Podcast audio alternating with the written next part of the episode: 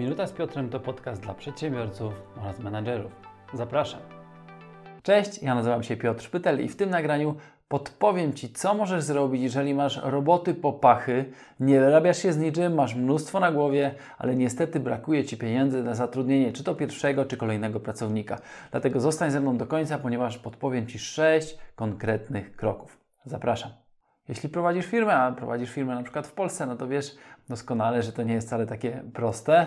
I to samo dotyczy się zatrudniania pracowników. No koszty pracowników są bardzo wysokie, a co w związku z tym idzie? No, musimy dużo więcej zarobić, żeby temu pracownikowi zapłacić. I bywa tak, i sam przechodziłem przez to parę razy w mojej karierze biznesowej i wielu moich znajomych przedsiębiorców też przez to przechodzi, że po prostu brakuje pieniędzy, żeby zatrudnić nową osobę, ale już nie wyrabiamy się ze wszystkimi sprawami bieżącymi. I wtedy warto, warto podjąć jeden albo kilka z tych sześciu kroków, które za moment przedstawię. Zaczynamy. Krok pierwszy. Przyjrzyj się Twojemu modelowi biznesowemu. Zobacz, jeżeli masz ogrom roboty, ale w związku z tym nie masz wystarczającej ilości pieniędzy, to oznacza, że coś w modelu biznesowym jest nie tak. Co to może oznaczać? Może to oznaczać, że masz za wysokie koszty.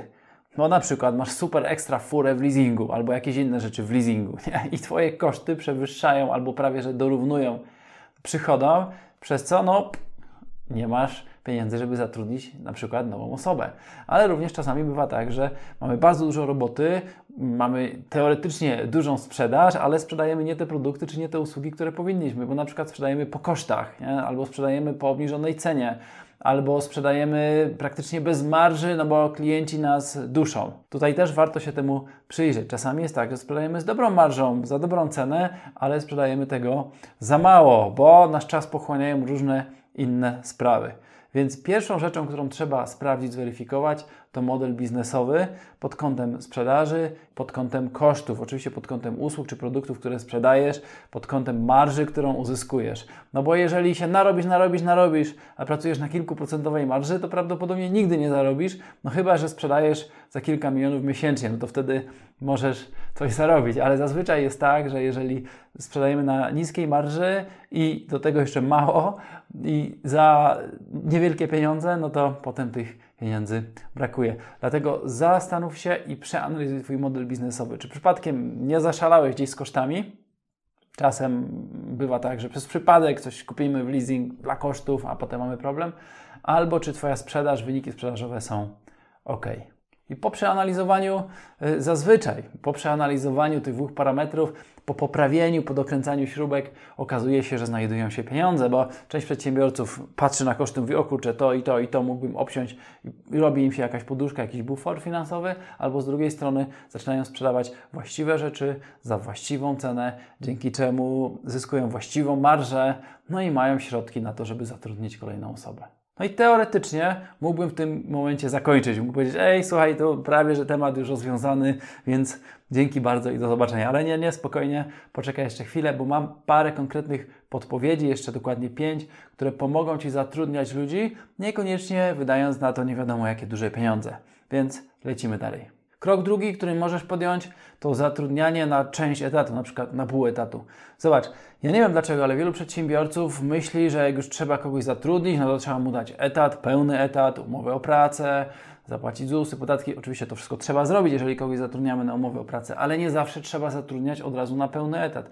I jakie są moje obserwacje? Nieraz widziałem to, że ktoś zatrudniał na pełny etat, a później ten pracownik nie miał co robić, bo okazywało się, że tej roboty jest tylko na pół etatu.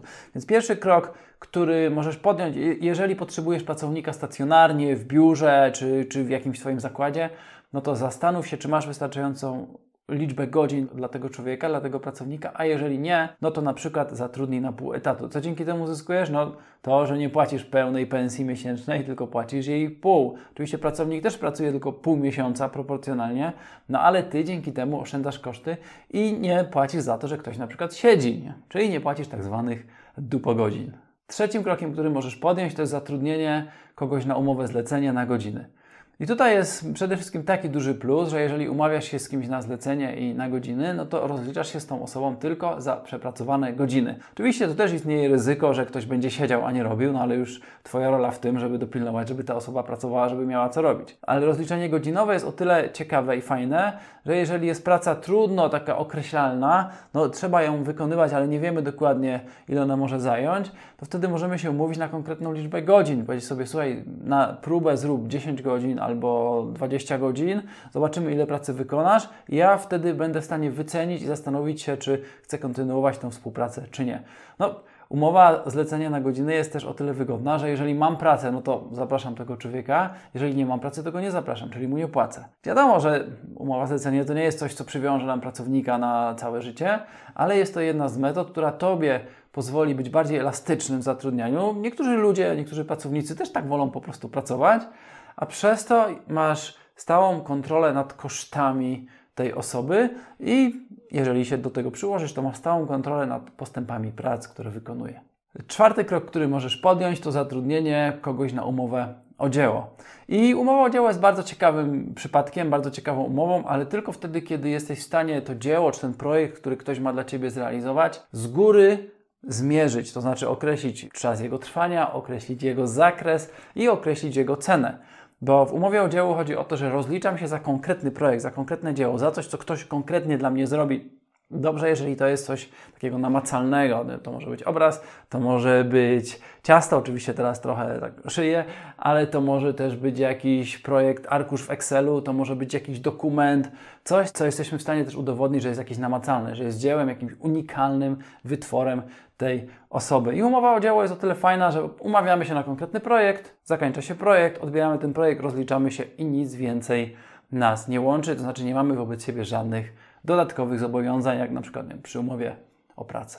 Piąty krok i piąta opcja, którą warto rozważyć, to są podwykonawcy, tacy jednoosobowi podwykonawcy lub czasem na nich mówimy freelancerzy, czyli takie osoby, które pracują na własny rachunek, na jednoosobowej działalności gospodarczej, są specjalistami w jakimś zakresie, w jakimś obszarze i w ramach tej specjalizacji świadczą usługi. I mogą to być różne sytuacje. Może to być wirtualna asystentka, czyli taka asystentka, która Ciebie wspiera, ale wirtualnie od siebie z domu albo z biura. To nie przyjeżdża do biura, ale załatwia Ci różne formalności, dzwoni różne miejsca, szuka różnych rzeczy w internecie.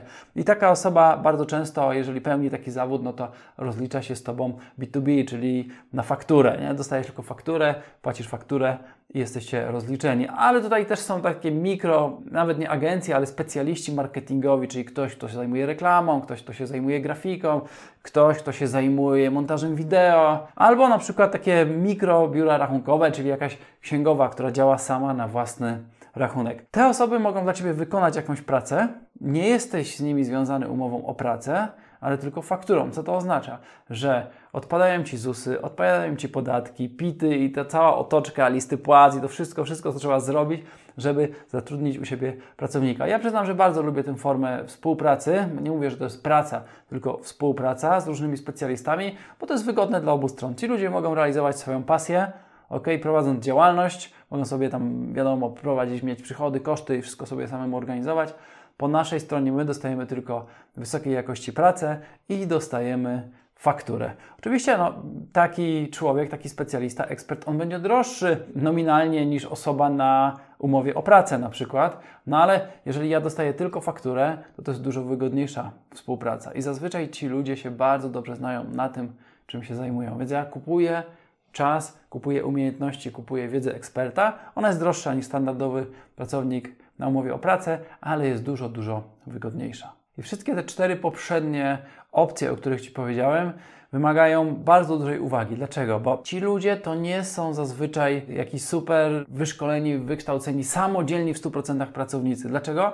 No bo jeżeli oni nie są na stałe u Ciebie w firmie, tylko na przykład są z doskoku albo są na pół etatu, to nie mają pełnej wiedzy o Twojej firmie, więc zazwyczaj wymagają nadzoru, wymagają weryfikacji ich pracy, wymagają tego, żeby spędzić z nimi trochę czasu, żeby ich wdrożyć w Twoją firmę. Więc tutaj trzeba uważać, żeby nie popełnić jednego błędu, który ja kiedyś popełniłem, że biorę takiego specjalistę, biorę takiego eksperta i liczę na to, że wykona za mnie całą pracę. Nie. Najpierw muszę nauczyć, najpierw muszę wdrożyć, najpierw muszę pokazać, jak to ma być zrobione, a dopiero później, jak ta osoba się nauczy, to jesteśmy w stanie płynnie współpracować. Więc pamiętaj, To nie jest tak, że ty zatrudniasz taką osobę na pół etatu, na zlecenie, na dzieło czy, czy na B2B i od razu ta osoba wchodzi, wszystko wie i wszystko rozumie. Nie, trzeba jej to wytłumaczyć. Uwaga, trzeba znaleźć na to czas. Więc pamiętaj, nie pomyl się, zainwestuj ten czas, jeżeli zdecydujesz się na jedną z tych form współpracy. No i doszliśmy do szóstego kroku, do szóstej opcji, czyli wykwalifikowane firmy, całe firmy, całe przedsiębiorstwa, które mogą dla Ciebie coś zrobić. I mówiąc wykwalifikowane firmy, mam na myśli na przykład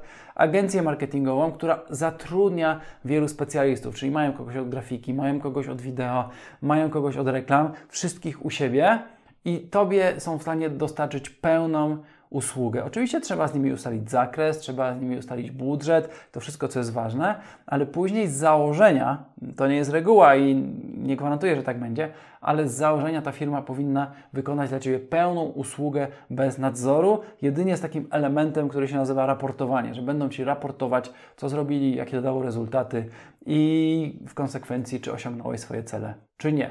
Ale taką firmą może też być biuro rachunkowe, ale takie większe biuro rachunkowe, nie takie, które opiera się tylko na pani Krysi, która działa sama albo ma jakąś asystentkę, tylko takie biuro, które zatrudnia kilka, kilkanaście, kilkadziesiąt osób, ma cały zespół, cały sztab specjalistów, którzy zadbają o Twoją księgowość. No idealnie jak takie biuro ma jeszcze doradcę podatkowego i innych specjalistów w zakresie finansów. Ale to jest istotne, że te firmy są w stanie dla Ciebie zrealizować całą pełną usługę, pełną obsługę, ale niestety będą dużo droższe niż te poprzednie formy.